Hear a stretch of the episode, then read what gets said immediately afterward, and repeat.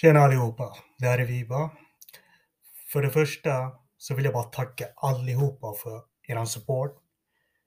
Alltså vi trodde aldrig att vi skulle komma upp till 230 lyssnare på våran podcast. Alltså, jag och mina vänner vi tänkte första avsnittet räcker det med kanske fem. Vi förväntade oss fem eller tio. Inte för att vi ville satsa lågt, men ni förstår, man vill, man vill inte ha stora förväntningar som möjligt. Men i alla fall, alltså 230 det är stort summa för oss, verkligen. Samt 230 genuina lyssnare också. Det betyder att många har lagt tid och lyssnat på vår podcast.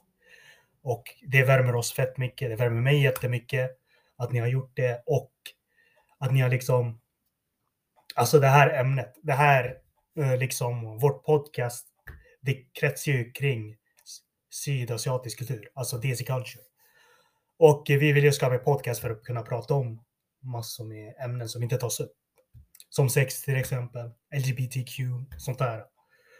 Och eh, så det, vi har bollat med många idéer. Vi har jättemånga idéer som jag fortfarande vill berätta och prata ut med er. Men saken är att tiden passar inte just nu för alla. Vi alla vill fortsätta, men det är bara tidsplaneringen som hakar på för oss alla tre. Och eh, då bestämde vi, ja men vi tar en, vi tar en uppehåll. Det, det här var alla tres beslut, vi tar en uppehåll. Och vi fortsätter med den här podden i framtiden. Vilket vi kommer göra. Och vi kommer ha mer erfarenhet såklart. Vi kommer ha mer knowledge, som man säger. Mer kunskap inom ämnena. Yes. Vi har fortfarande, det finns många ämnen. Det finns så mycket man kan prata om dels i kulturen. Alltså, det finns så mycket, så mycket man har gått igenom som man kan prata.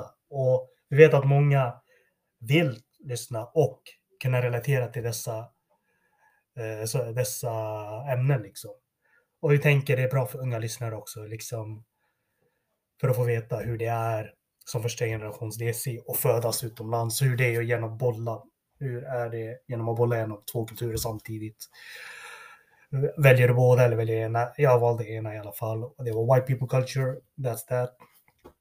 Lite då och då DC, men ja, man tyckte mest om där man var, kulturen man är född med i alla fall.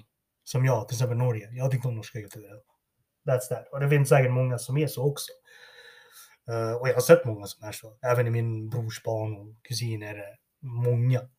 Så jag tänkte, ja men det här är en bra podcast för dem. Om de, om de orkar att lyssna liksom. Men i alla fall.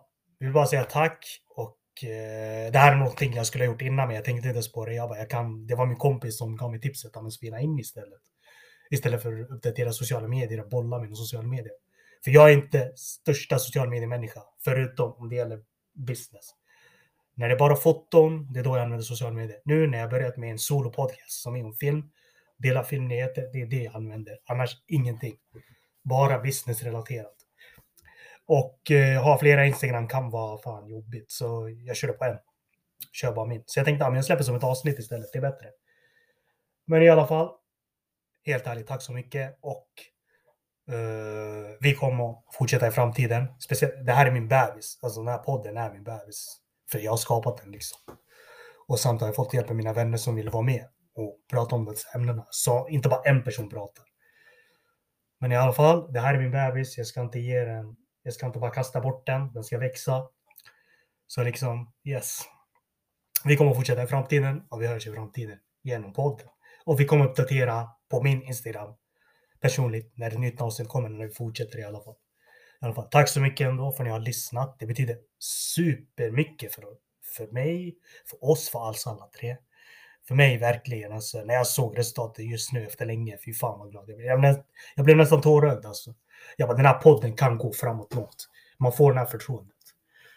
Verkligen, tack så mycket. Jag hoppas ni har det bra under eh, coronatider och så. Så sköt om er, sköt om er familj. Dela gärna podden med era vänner. Och eh, fortsätt. Och vi skulle uppskatta era stöd fortfarande och i framtiden.